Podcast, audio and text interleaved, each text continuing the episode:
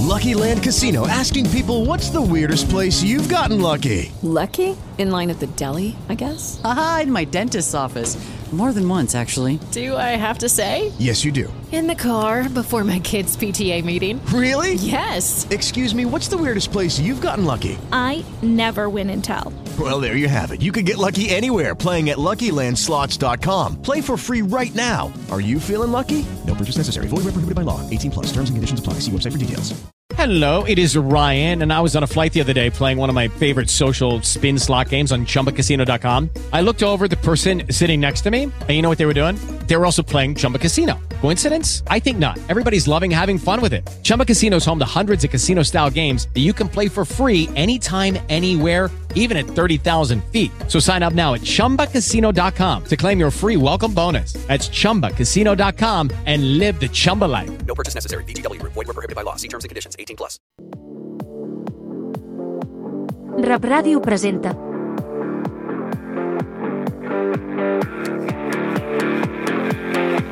A banda i banda. Edició Amèrica.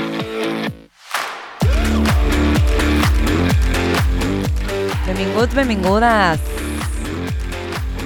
Això és A Banda i Banda, el programa que connecta a Catalunya i el món des dels estudis de Ràdio Amèrica Barcelona per a tot el món.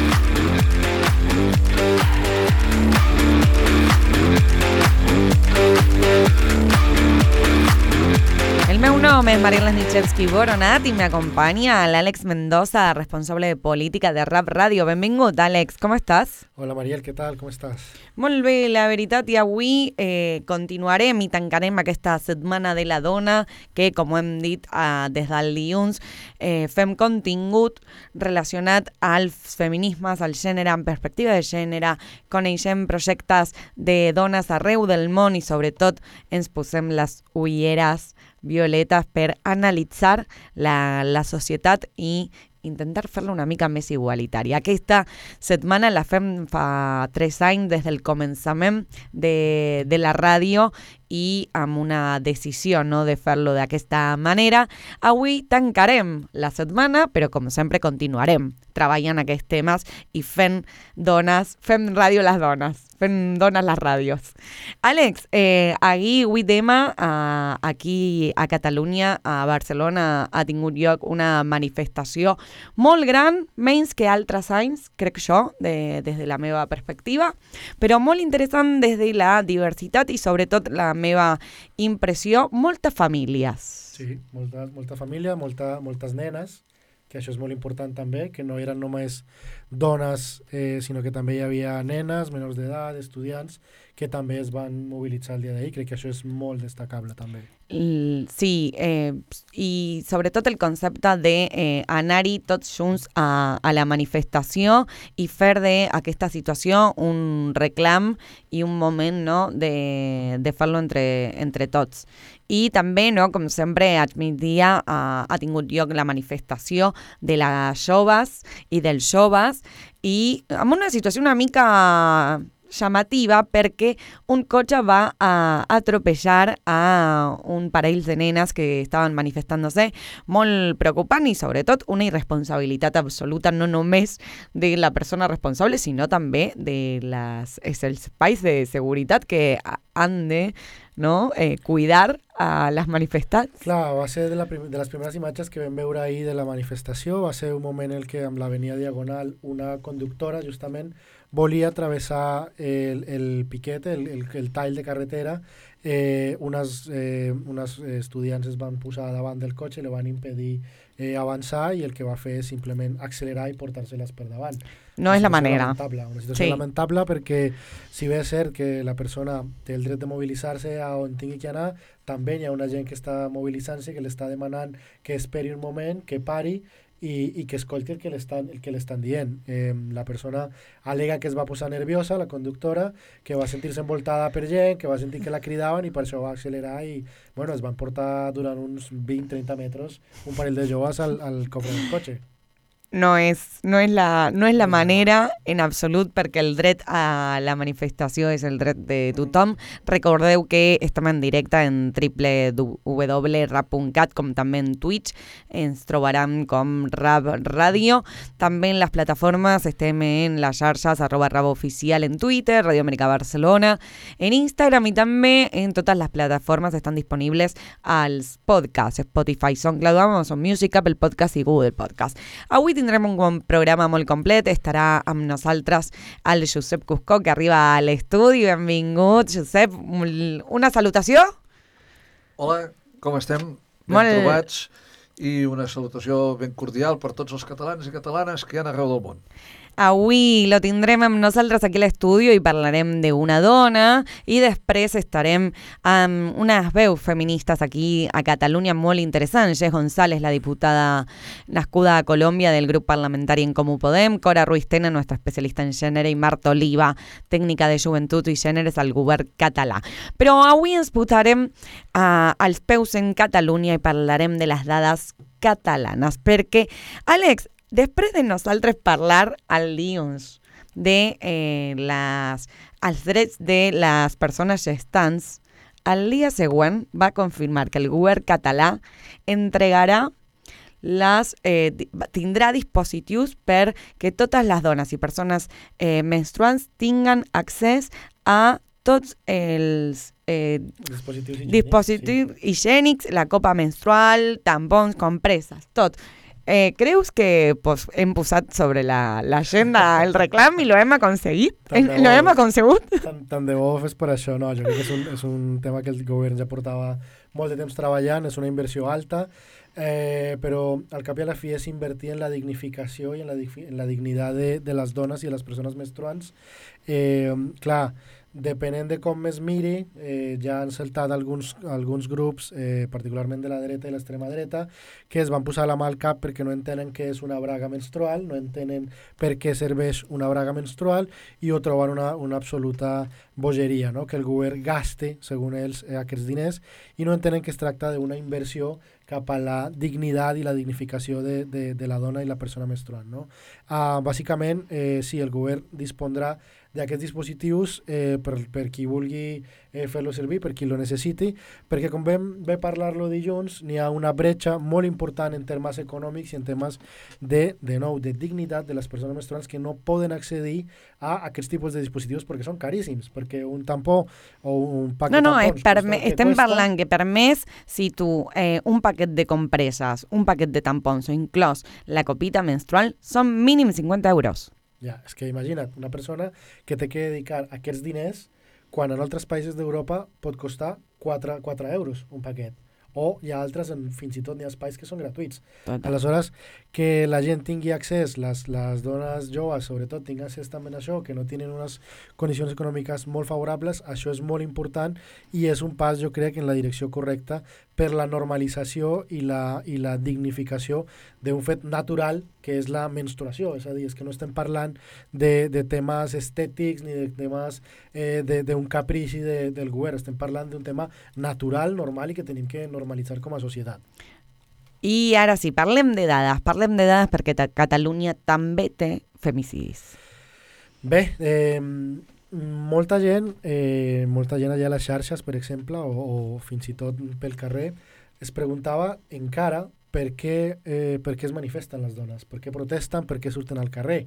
Eh, la pregunta era, però si, si som iguals, si ho tenim tot, pues, desafortunadament hi ha unes dades que comproven que això no és cert i que dir que el dia d'avui tanquen una mica el que hem estat parlant, si serveixen com per, per posar-li el focus al, a quina és la importància d'aquesta setmana reivindicativa. No?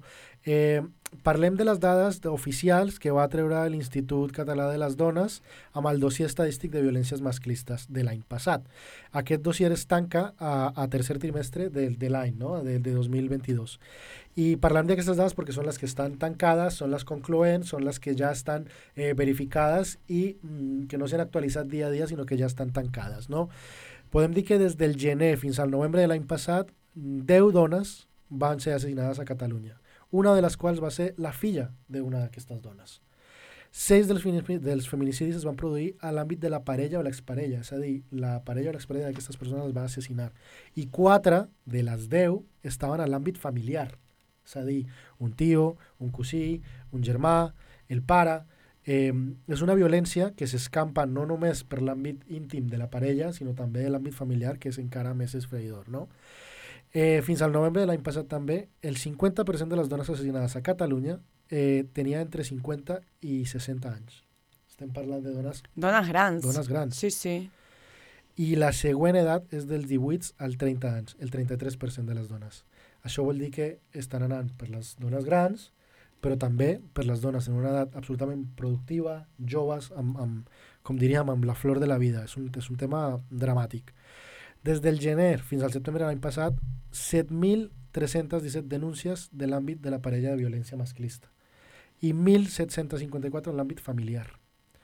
Ara mateix, un 3,5% de les treballadores a Catalunya indiquen haver estat sotmeses a assetjament sexual a la feina. El 3,5% de les treballadores. O sigui que no podem estar ni a casa, ni amb les nostres parelles, ni amb la nostra família, ni en la nostra feina, segures. Clar, I això demostra que no és que anava de, anava de nit pel carrer buscant-lo, com, com s'ha com s'ha exposat, a on anava, d'on estava, per què li va passar això? A la feina, Perquè a la feina també li passa. Clar, el 0,7% dels treballadors han patit aquest tipus d'assetjament, el 0,7%, mentre que les dones han sigut un 3,5%. El 15% de les dones han reportat comportaments humiliants, ofenses o amenaces. El 11% discriminació i el 6% violència o intimidació. També cal ressaltar que fins al tercer trimestre d'aquest informe, eh, el 43% de les dones que han estat víctimes la, de, de delictes contra la llibertat sexual, d'abusos, agressions sexuals, són menors d'edat. Gairebé la meitat són menors d'edat. I el 17%, el 17 d'aquestes són menors de 13 anys. De 13 anys. Molt joves. Són nenes. Sí, sí. Són nenes. I el 26%, les, le- el 26%, la xifra més alta, són nona, noies entre els 13 i els 17 anys. És a dir, que la meitat són menors d'edat que han sigut agredides sexualment. I l'edat dels agressors eh, ronda entre els 18 i els 25 anys. És a dir, joves, eh. hom, homes joves que ataquen nenes totalment joves i nenes I petites. crec que posa sobre la taula el tema central que, que estem debatint aquesta setmana, que és l'educació que sobretot per eh, als nostres joves i per el futur i el present de nostra societat hem d'educar en perspectiva de gènere i avui serà un tema central tant amb la GES com a Cora Ruiz i Marta Oliva perquè l'educació és el que principalment modificarà aquest, aquestes dades que són molt preocupants. Àlex, per eh, anar tancant, eh, com són les possibilitats de contactar per fer una denúncia? Bueno, lo primer és que eh, s'estan actualitzant protocols en diferents llocs. Vam tenir el caso que, que ha esclatat, que ha esclatat eh, mm, recentment de la nena que va ser abusada a un centre comercial. Eh, aquesta nena alega que quan va, van acudir els fets, ella va sortir, va parlar amb un guàrdia de seguretat i aquest guàrdia mm, no li va fer cas i l'ha fet fora del centre comercial. Això va passar el novembre i va estar la nena callada més d'un mes més d'un mes va estar callada perquè va sentir que, no, que, el- que la seva denúncia no tenia cap validesa, perquè un adult, la primera persona que va sortir a buscar, que era un adult, la va engegar fora. Sí. Aleshores, lo important, a més a més, és tenir clars els protocols. Depenent d'on acudeixen, n'hi ha protocols més o menys clars. Si, si acudeix a una discoteca, n'hi ha, ha protocols on les dones poden anar a... Eh, poden anar a denunciar, no? Poden denunciar tant a la barra com als segurates, com al, als espais de l'oci nocturno que ja estan preparats eh, per eh, tractar aquest tipus de aquest tipus de, de, de situacions. No? També hi ha el telèfon 0, 016 al que es pot trucar durant les 24 hores del dia eh, on les dones tindran assessoria jurídica gratuïta i eh, si és menor d'edat també es pot trucar al 900 20 20 10 és a dir, n'hi ha, ha espais eh, habilitats perquè, perquè les dones truquin i denuncien aquestes situacions. Quan una persona, quan una dona truca al 016, eh, rep atenció psicosocial immediata, eh, eh, contenció emocional, acompanyament emocional i psicosocial també, realitzat per personal especialitzat en, en perspectiva de gènere. Moltíssimes gràcies, Àlex. A tu. Rap Ràdio t'escolta. Fes-nos arribar les teves preguntes, reflexions i comentaris amb un missatge de veu al WhatsApp del 691 99 11 22. amb el 34 davant si ets a Amèrica. 691 99 11 22. Rap Ràdio t'escolta. Nosaltres continuem amb esa banda i banda en aquesta setmana de la dona i rebem a l'estudi a nuestro queridíssim Josep Cusco que ens porta les biografies entre Catalunya i Xile. Avui des de Catalunya, però parlarem de Margarita Chala. Quin va ser Margarita? Doncs eh, aprofitant que és el Dia de la Dona, treballadora, eh, doncs he, he triat eh, aquesta persona perquè, eh, primera, perquè no se la coneix massa, va ser una gran concertista de piano, eh, després també va ser una gran dona, i eh, d'aquí tres dies és la commemoració de, de la seva mort, que va morir doncs, eh, un 12 de març de 1993. A L'any que vaig néixer jo. Doncs mira. doncs comencem dient que eh, Margarita Chala va néixer a Barcelona un 12 d'octubre de 1903. Eh, la seva mare era la Maria Micaela Chala, que provenien de, eh, tant la seva mare com la seva àvia, d'una població que es diu Consolación del Sur, de Cuba. Del seu pare no se'n sap res. Mm, de ben petita mm, va destacar amb la música, és a dir, se'n van donar compte de que era doncs, eh, una artista una, mm, que, en fi, que la música li entrava molt, oi? cosa que doncs, eh, és propi també a Cuba. Eh? Eh, primer va estudiar amb el mestre Joaquim Canals i Matavaca eh, a l'Escola Municipal de, de Música de Barcelona.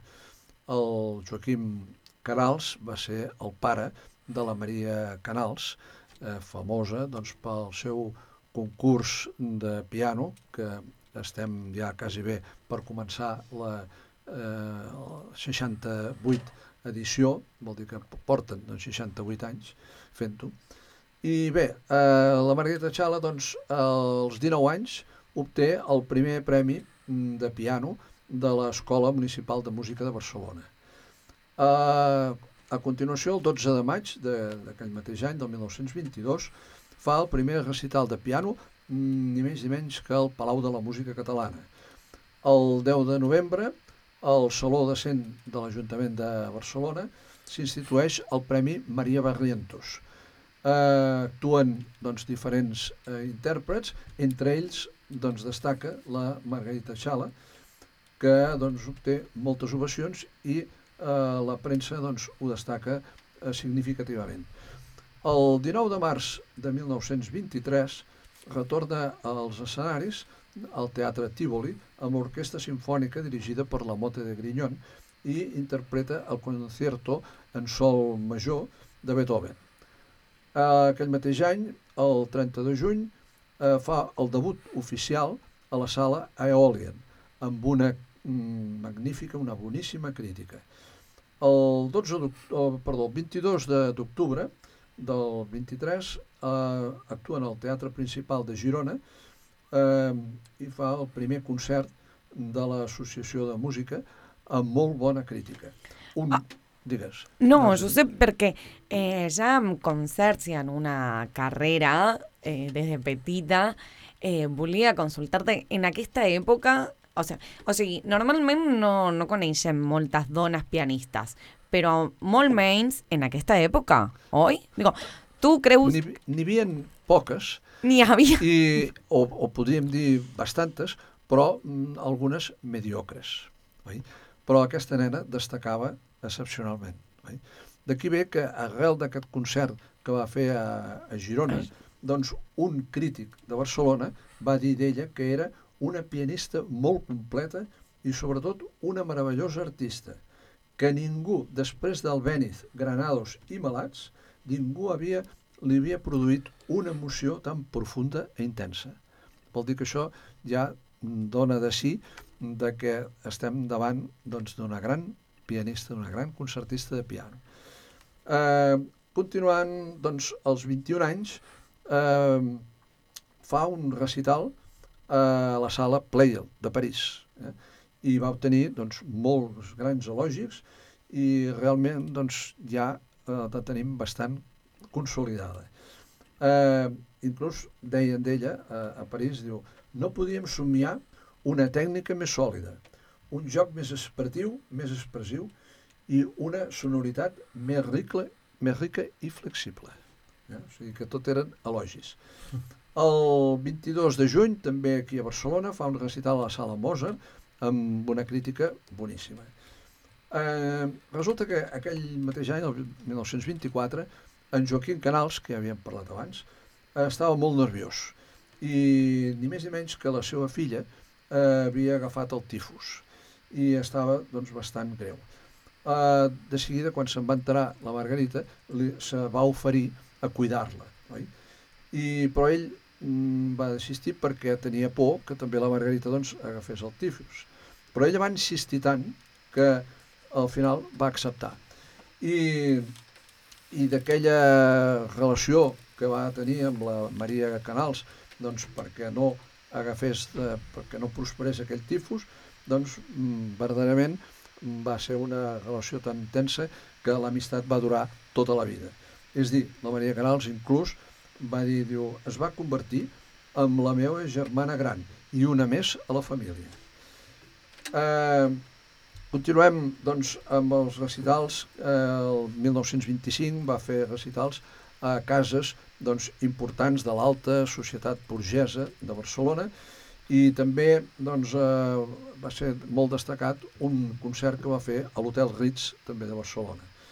L'any següent, el 1926, el 3 de febrer, amb un ple de l'Ajuntament de Barcelona se li concedeix una subvenció de 2.500 pessetes, que en aquell temps doncs, era... Era bastant, molt, exacte, sí, sí. Per realitzar un curs de eh, millorament, un curs musical a l'estranger. Eh, de seguida, en Miquel Llobet va escriure al Frederic Montpou, que estava a París, recomanant-la doncs, que era una gran concertista que tenia molt futur. Eh, L'11 de, de maig fa un segon concert a la sala Playel, a París, i ja el seu èxit ja va ser espaterrant. Eh? Eh, va ser molt llargament aplaudida. La premsa parisenca es desfeia en elogis d'ella. El 17 de juny hi ha un recital aquí també al Palau de la Música de Barcelona que també doncs, eh, se'n van obrir els ulls de molts musicòlegs eh, i de molt públic que doncs, encara no sabia mm, qui era Maria Margarita Xala. Uh, el 1927 es casa uh, el 20 de juliol amb uh, tal Francisco Sánchez Puig. El 9 de novembre d'aquell mateix any doncs, fa un recital al Saló de Cent amb tot el consistori de l'Ajuntament en ple. El 23 de maig de 1928 neix el seu primer i únic fill a Berlín, en Siegfried Sánchez Chala. Eh, després, en aquell mateix any, s'inaugura eh, l'edifici de l'Escola Municipal de, de Barcelona, al carrer de Bruc, que tots ja coneixem, i en el discurs del senyor Andreu cita eh, els prestigiosos alumnes que han passat per les aules de l'escola, com Pau Casals, Maria Barrentos, Vinyes, Malats, Granados i Margarita Xala. D'aquesta manera se li donava la rellevància eh, amb els seus inqüestionables mèrits. El 1930, el 22 de maig, a Berlín, eh, també hi ha una brillant festa per l'arribada del dirigible Zeppelin, i ella doncs, eh, actua al piano junt amb el violinista, violinista Ricard Mates i eh, realment doncs, tenen molt d'èxit. Eh, també van actuar a la sala de concerts eh, Lissing House, eh, i també doncs, el públic de, de Berlín, d'Alemanya, doncs, va quedar molt enamorat d'ella i de la, del seu grau d'artista que tenia. El 1931, el 18 d'abril, també intervé un concert que se li fa d'homenatge en el mestre Nicolau al Palau de la Música.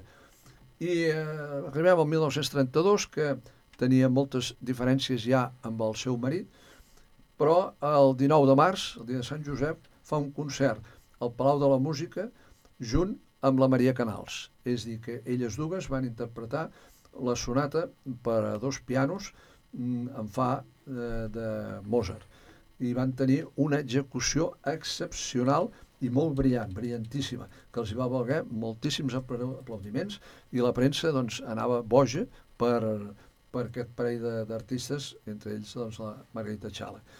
Eh, es van succeint tota una sèrie de, de recitals amb molt d'èxit i eh, arriba la Guerra Civil i eh, llavors doncs, obté el divorci del seu primer marit i eh, el, el 8 d'abril de 1936, quan encara no havia esclatat la Guerra Civil, es casa al jutjat Universitat de Barcelona amb Magí de Negravernis. El 18 de juliol esclata la Guerra Civil i el matrimoni, junt amb la, amb la Micaela Chala, amb la seva mare, i el seu fill Siegfried, doncs se'n van, eh, viatgen cap a, a l'Argentina, cap a Buenos Aires.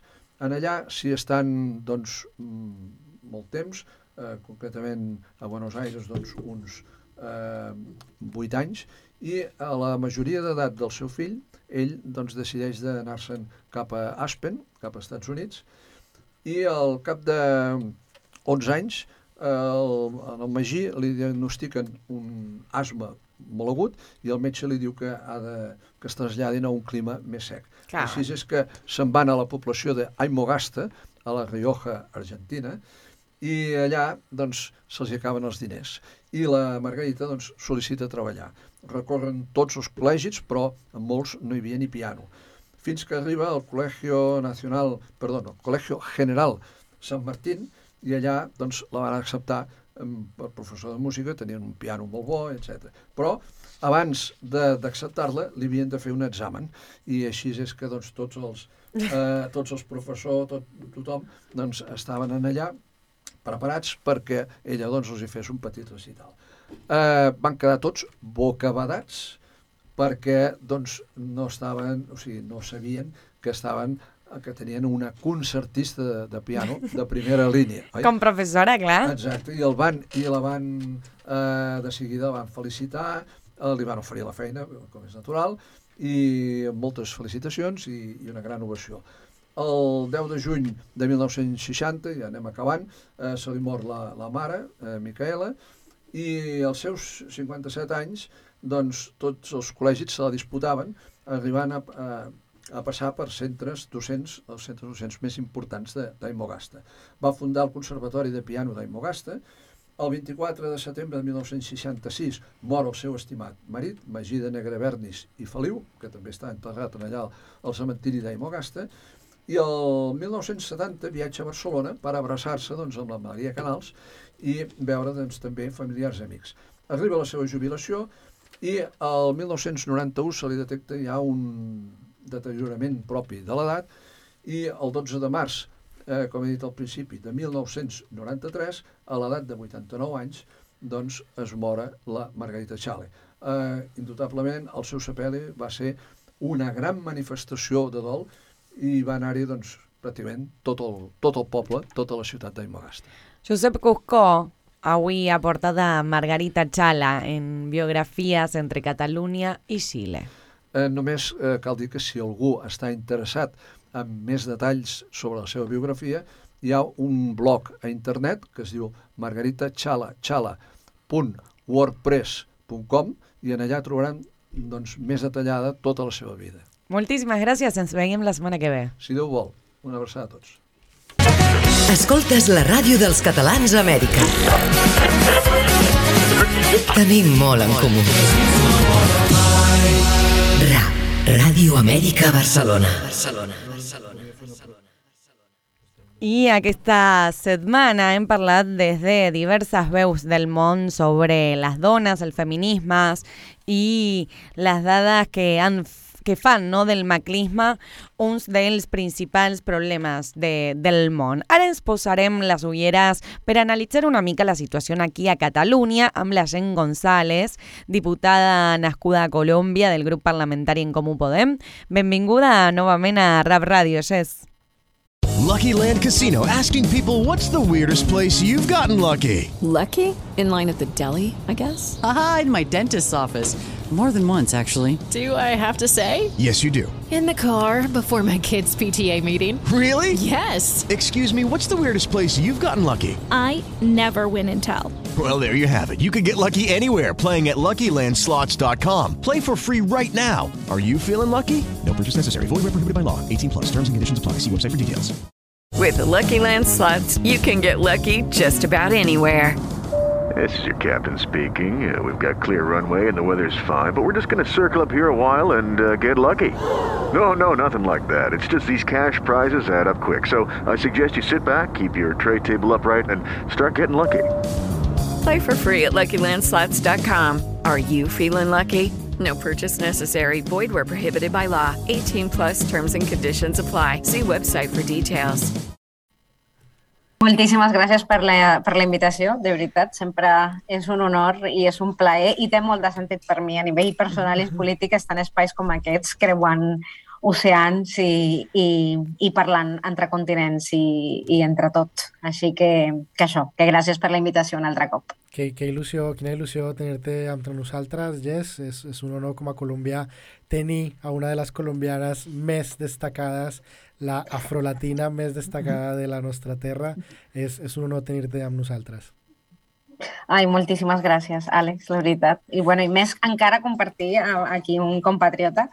I, i res, és, és superbonic. I és tot un repte també quan, quan som gent que està tan poc representada, poder representar la pluralitat precisament de, de tot el que som. Eh, no només soc l'única colombiana, sinó soc de les poques llatinoamericanes. Llavors Clar. aquí tenim una, una responsabilitat encara més gran i, i aquests, aquests petits reconeixements, eh, doncs mira, t'omplen l'ànima també. Jess, Així que moltes eh, gràcies. Eh, sortim una mica per ahí del, de les preguntes que volíem parlar, perquè volíem aprofitar i parlar una, un, de com has viscut el 8M ahir, però aprofito per preguntar-te, sents eh, com una mica de eh, pressió del poble latinoamericà Catalunya de ser la representant i què implica això?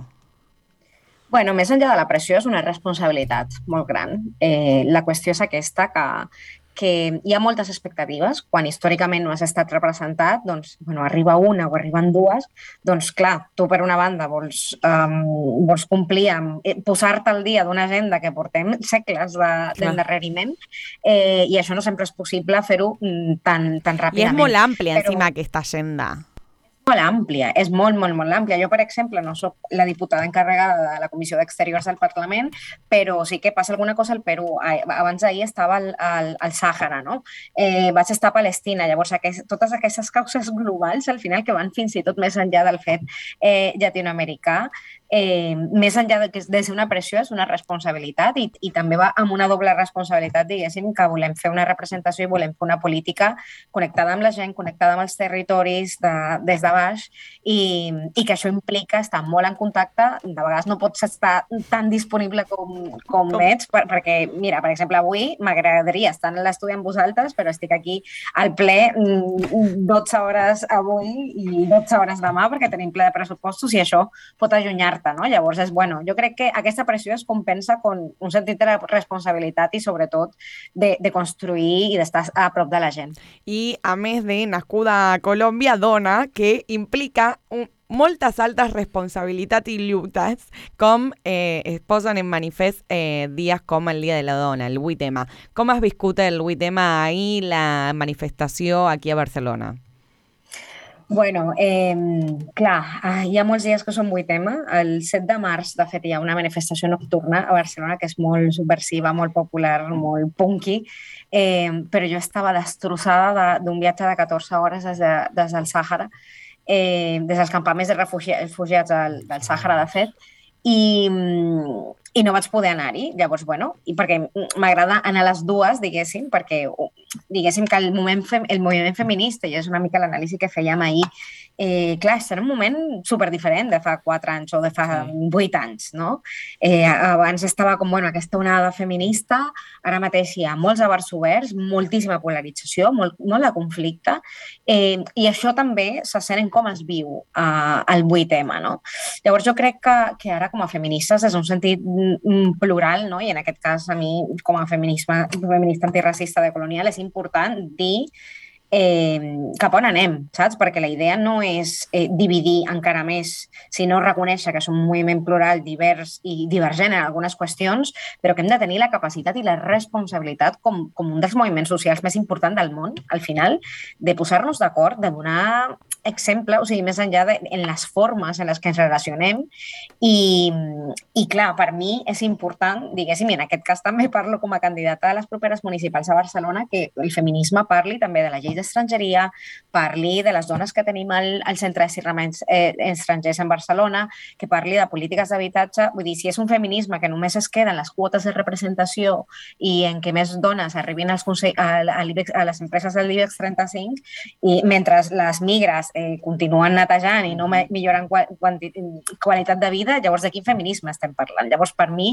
a nivell, o sigui, a nivell general, estem en aquest ambient, però la idea és anar creant espai, sobretot, i crec que tenim aquesta responsabilitat de que aquesta paraula de la interseccionalitat realment, realment s'aterri en una cosa concreta en vez de solo el discurso i, i, bueno, i és el que esperem poder fer. Així que va ser un dia superbonic, jo vaig marxar amb, amb gent de Barcelona en Comú, d'en Comú Podem i també amb les meves companyes de Sentimientos i Marrón amb Baix i Tambors, no? Llavors, bueno, és tot això, no? és tota aquesta polarització, però també és tota aquesta alegria i aquesta manera de, de, des de la nostra diversitat, lluitar també i, i combatre el patriarcat. I aprofitant el que va dir la Xés, justament ahir el moviment de regularització ja ha, ha tingut no, el seu lloc, el bloc latí eh, latinoamericà ha tingut el seu eh, lloc a la manifestació amb les seves encaputxes, que són també una representació dels pobles tot, principalment centroamericans i ha sigut una expressió molt gran i amb moltíssima alegria, color i força, que em, em semblava important eh, posar-lo també eh, sobre la taula. Endavant, Àlex.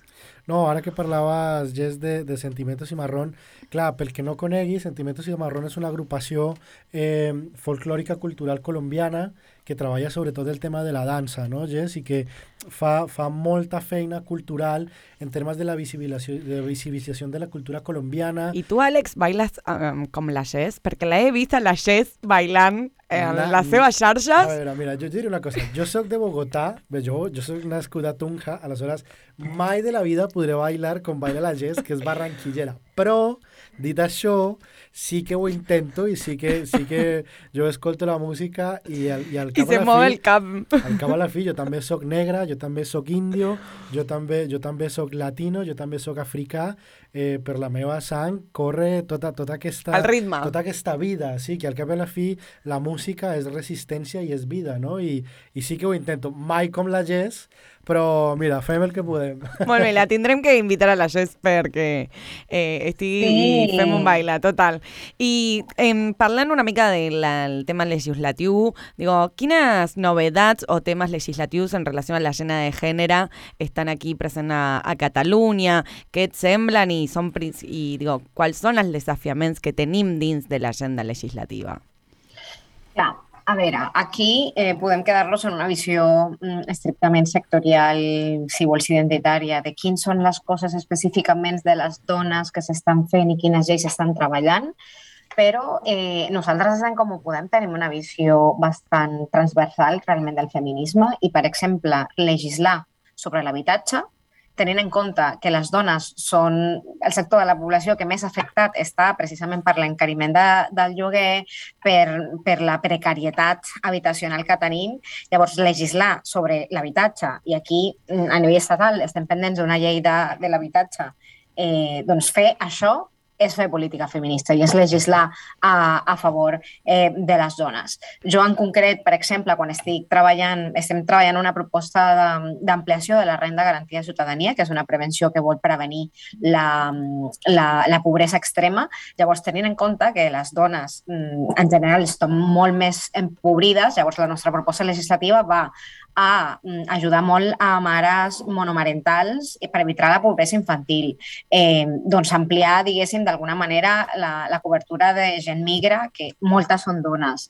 Eh, llavors, tot això, tot i que no és política feminista eh, per a la dona tal, però tot el que tingui a veure amb No, no los precarietat- productos de per las personas eh, menstruants, sinó que hem de posar una, aquesta eh, mirada feminista a la resta. Exacte, Però, i a, la sí. i a la quotidianitat com es traslada això? Eh, a la quotidianitat es trasllada... O sigui, els temes legislatius que t'he dit, Clar, aquesta mirada interseccional, aquesta mirada on en tots els temes hem d'incluir la mirada de gènere. Pues per mi, eh, del, clar, en aquest, no és la manera només de de gènere, de mirada feminista, sinó és la mirada antiracista també. I, per exemple, ara mateix, per mi és superimportant eh, quan, bueno, per mi i per molta gent dels moviments antiracistes, etc. si parlem de feminisme i parlem de quotes de representació, etc. i no parlem d'economia, si no parlem de precarietat laboral, si no parlem de, de, de, de riquesa, no? al, al final en un sentit no extractivista i capitalista, sinó d'entendre que les cures són economia, d'entendre que, que d'alguna manera les treballadores de la llar pues, estan sostenint mm, tota, tota la cura d'aquesta societat, sinó veiem com hi ha dones migrants o dones nascudes aquí, però que tenen un bagatge eh, migratori, eh, fins i tot no només d'altres països comunitaris, sinó mm, penya aquí, filla d'andalusos o d'aragonesos, etc estan hiperprecaritzades. Llavors, com d'alguna manera incloem aquest, aquest relat d'economia, de generació de, de, de riquesa en el bon sentit de la paraula, d'entendre que no hi ha justícia social i justícia feminista, sinó hi ha re, mm, generació de riquesa i que les 500.000 persones que estan esperant a la regularització ja, del qual eh, una tercera part són dones, doncs mm, que això també són polítiques concretes, no? I que el PSOE, en lloc d'estar dient, per exemple, això, de que més dones arribin al Consell de- d'Administració de les empreses, ¿sabes? És com, no, regularitza la penya i això mm, és economia i això són drets humans, no?, de, de realitat, i això és feminisme. Claro. Llavors, per mi les coses van això, les coses del comerç, com, com diu la Yolanda Díaz, eh, poder parlar d'economia, poder parlar de precarietats i poder parlar també des de talents i des de possibilitats, perquè a vegades ens ubica només en el relat de la precarietat, eh, perquè estem precaritzades, no perquè siguin precàries, sinó perquè se'ns precaritza, eh, però eh, no es parla de la oportunitat, de, dels projectes d'emprenedoria, de cooperatives, de mm, les artistes, no? la, la quantitat d'artistes precaritzades um, que, que tenim i llavors incidir en aquests aspectes, no? jo crec que, que també és important i això són coses específiques i concretes. Sí, de fet aquesta setmana parlàvem amb la Marcela Bahamón, que, és, eh, que està al capdavant de l'Associació de Professionals de la Cura de, de, de l'Hogar i de la Cura de València, que és una colombiana també, i, i ella ens parlava de la, in- de la quantitat de dones eh, latinoamericanes, eh, particularment latinoamericanes, que arriben aquí que pot ser que siguin metges, abogades, eh, que, te- enginyeres, que tinguin una quantitat de qualificacions molt importants per, que per la mateixa llei d'estrangeria es ven abocades a, a agafar la primera feina que, que, que, que troben i normalment aquesta és la de la cura, la de la llar, la de l'acompanyament de nens o de persones grans i és talent que en termes netament econòmics es perd, és talent que està arribant i que s'està anant a un sector de l'economia que no és per el que està, eh, el que haurien d'estar d'estar treballant aquestes persones per un sistema de, eh, de, de regularització migratori que va en contra justament d'aquestes persones que venen de fora. És a dir, no només, eh, eh, no només toca el tema de, de, de la dona, sinó de la migració i de com la política pot afectar des de la migració a les mateixes dones i a la societat i l'impacte que pot tenir aquesta força laboral eh, a, a la societat, no? I de manera transversal, perquè tu has, tu has parlat de metgesses, i, bueno, no sé, d'advocades, de professores, d'economistes, Clar, clar.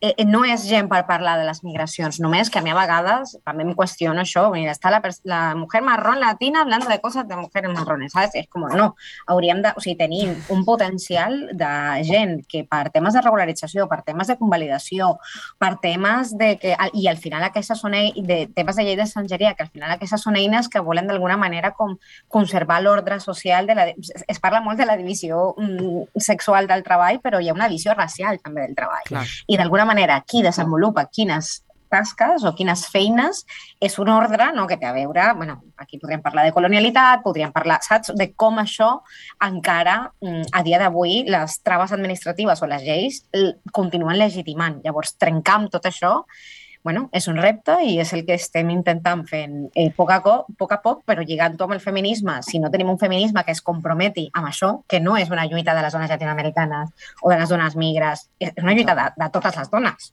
perquè si nos toquen a un, nos toquen a totes, és pa todo.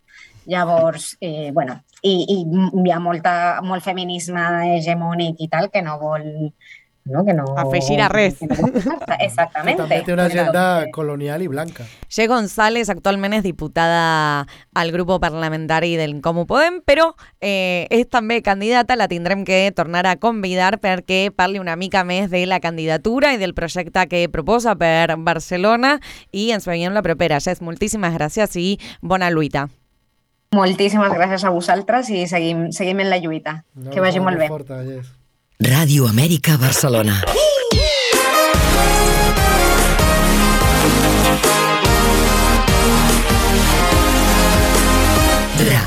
Música sense pausa. Continuem en clau catalana de gènere i analitzem el feminisme i la vinculació amb la joventut i per això convidem a Marta Oliva i López, socióloga especialitzada en feminismes i polítiques públiques, acció comunitària des de l'àmbit formatiu, com a Cora Ruistena, politòloga especialitzada en feminismes i joventuts, és part de la red de politòlogues i a més amiga de la casa. Benvingudes, Marta, Cora, moltíssimes gràcies per acompanyar-nos avui. Bona tarda, moltes gràcies per convidar-nos i molt, molt, molt contenta de tornar sempre a Rap Ràdio. Moltíssimes gràcies, Marta, moltíssimes gràcies, Cora. I la veritat, ahir hem viscut al carrer de Catalunya, als carrers de Catalunya, l'Unia un nou 8M, però volíem no, aprofitar amb aquesta perspectiva des de eh, Catalunya veure com és el, com s'està escrivint el, el feminismes aquí al territori. I volíem consultar-les què és el feminisme per vosaltres i en què estat està a Catalunya. Marta, comences tu? Sí, i tant. Eh, per mi eh, és una pregunta complicada, el que és els feminismes, però per mi és com una manera de viure i d'anar per la vida. Eh, un, no? És viure des de la consciència, viure des de la lluita i la reivindicació i tenir aquesta mirada en tot allò que fas i, en, i allà on vas.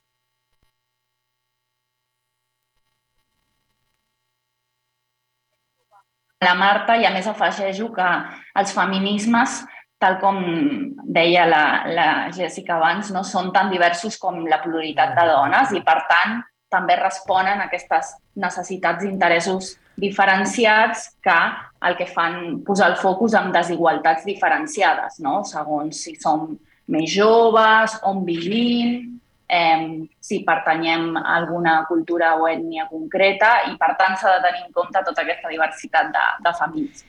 I aquesta diversitat com va a, a tenir presència aquí a Catalunya? Com és el feminisme a, a Catalunya?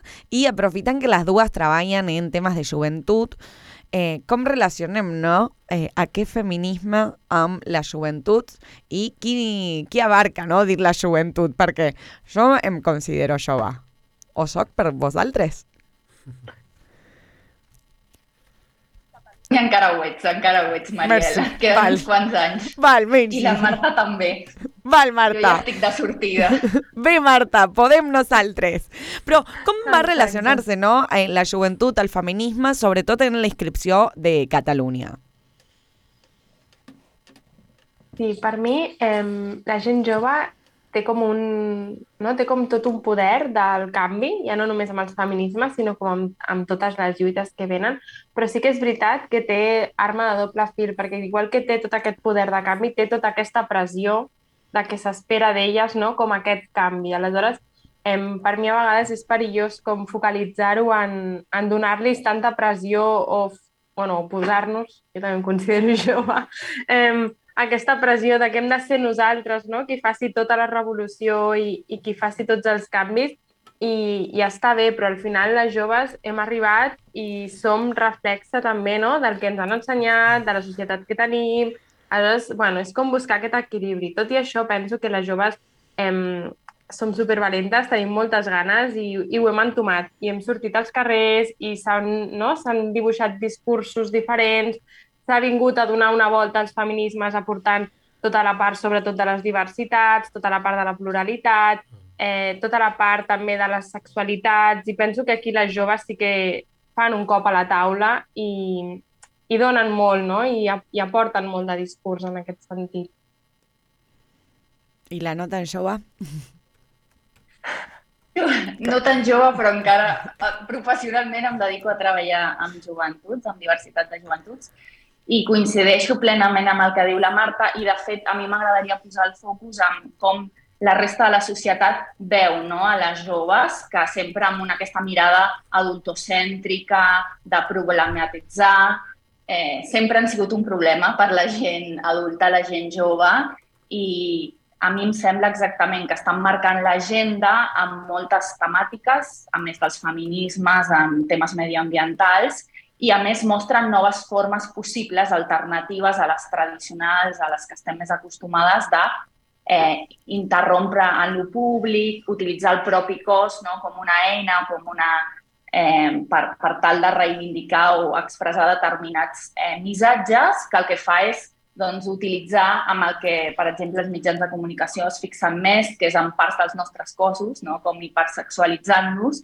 i les joves han utilitzat una altra forma que, per exemple, doncs, utilitza aquest, aquesta centro, eh, aquest centre no? en una determinat part del, del cos, com pot ser els pits, per llançar-se un missatge. Em sembla que això és innovar, és expressar-se d'una altra forma i trenquen amb les formes més tradicionals, per exemple, del feminisme amb les dones adultes, que era llegeix-te tots aquests llibres no? i vine a discutir amb mi d'igual a igual. També és una mica paradòxic sí. aquesta, aquesta dualitat, no? Per una banda, eh, la sexualització de, la, de les joves i per l'altra la, infin, la infantilització de les seves demandes o de les seves eh, maneres de protestar o de manifestar o de pensar, no? Esta, esta dicotomia entre Total. el que s'espera i, el que, i el que se vull de, de, de, de les dones, sobretot de les dones joves, no? Sí, però penso que aquesta dicotomia també ve, no? Com el patriarcat vol eh, infantilitzar-les, però no, les joves ens hem apropiat dels nostres cossos i dels nostres drets i hem decidit que podem mostrar-nos com, com vulguem. No? Aleshores, crec que venen com des de focus diferents i referent no, a la pregunta que feies de com són els feminismes amb les joves, penso que les joves són molt diverses i que, per tant, aquests feminismes també ho són perquè al final el formen aquestes joves des d'aquesta part més de la diversitat. Y em pregunto, digo, dins de aquestes dicotomías, de aquesta obertura i empoderament de eh, les joves, què passa en relació a l'educació en perspectiva de gènere i sobretot si no estan una mica la deriva quan eh, volen posar les lluites per sobre eh, les, els carrers, o sea, dins dels carrers, dins de les escoles, dins de les institucions o dins de eh, les pròpies famílies. I eh, recordava, i no, en realitat no recordava, eh, hem de recordar el caso de eh, les bessones a Salent, no? que joves eh, que volen fer, en, en un cas, un canvi eh, de gènere que dins de les institucions clàssiques estan i estamos soles. Què hem de fer i com hem de fer això? complexa, sobretot el tema que has portat, perquè aquí, per exemple, en aquest cas que només es parlava de bullying i en realitat era violència per raó d'identitat sexual, la identitat de gènere en realitat, no? perquè es considerava Eh, o sigui, la, la identitat és autopercebuda i es considerava un noi i la tractaven com una noia i aquest va ser el cas de violència que després el redueixen a eh, assetjament escolar, així com en general la segueixen anomenant com una noia. Eh, per tant, aquesta complexitat... Perdona, sí, aquesta eh, complexitat... hi havia la doble variable. També, que és, és, era, és, era argentina, és argentina, no? És d'Argentina.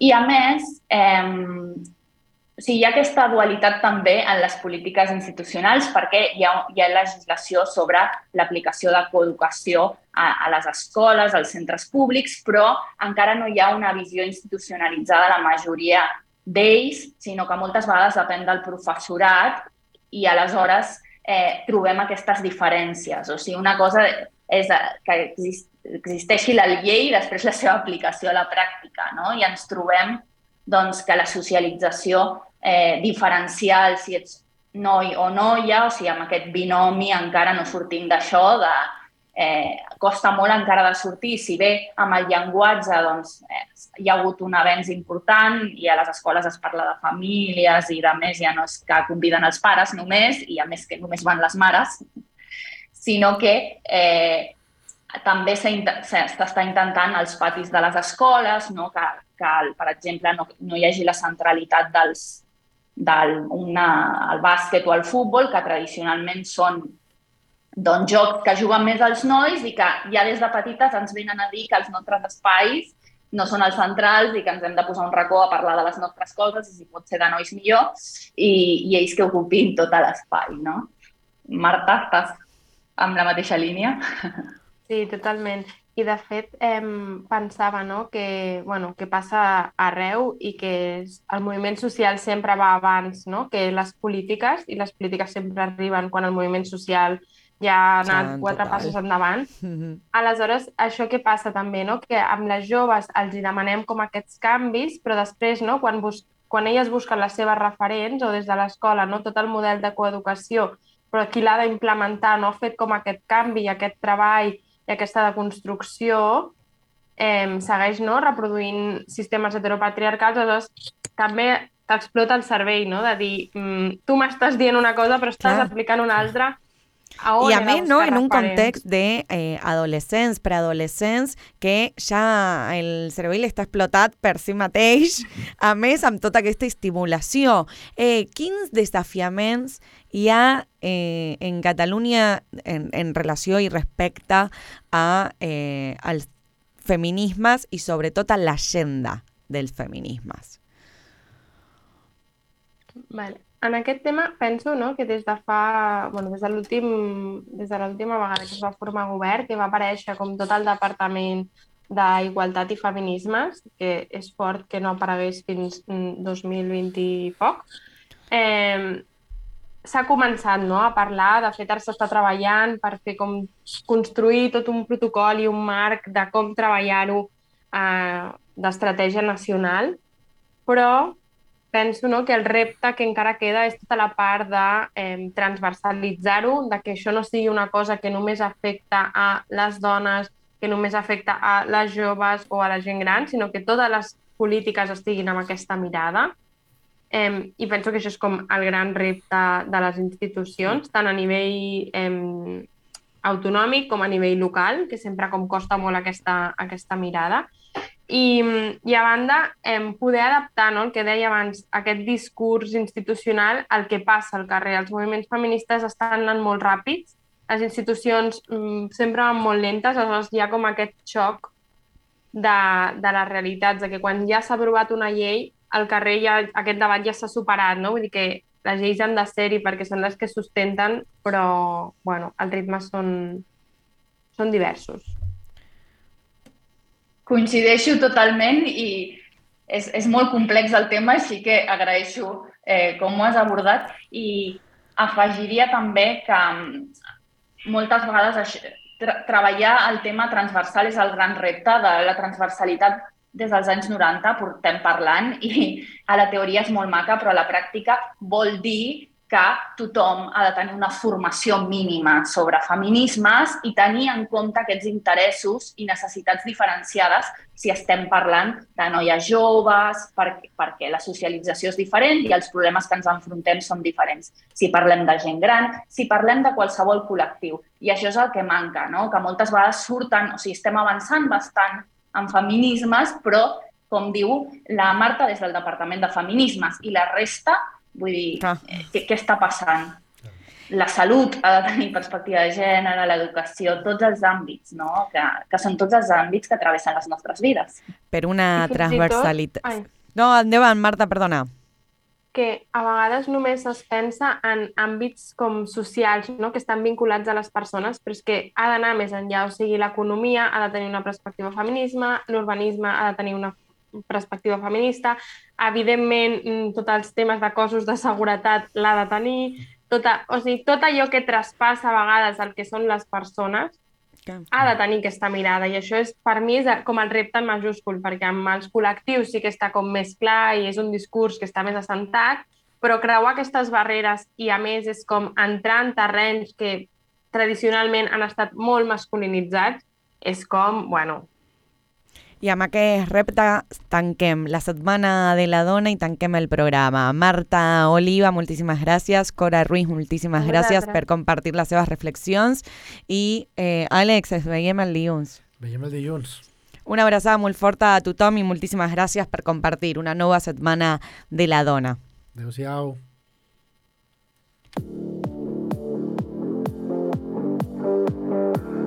A banda i banda. Edició Amèrica.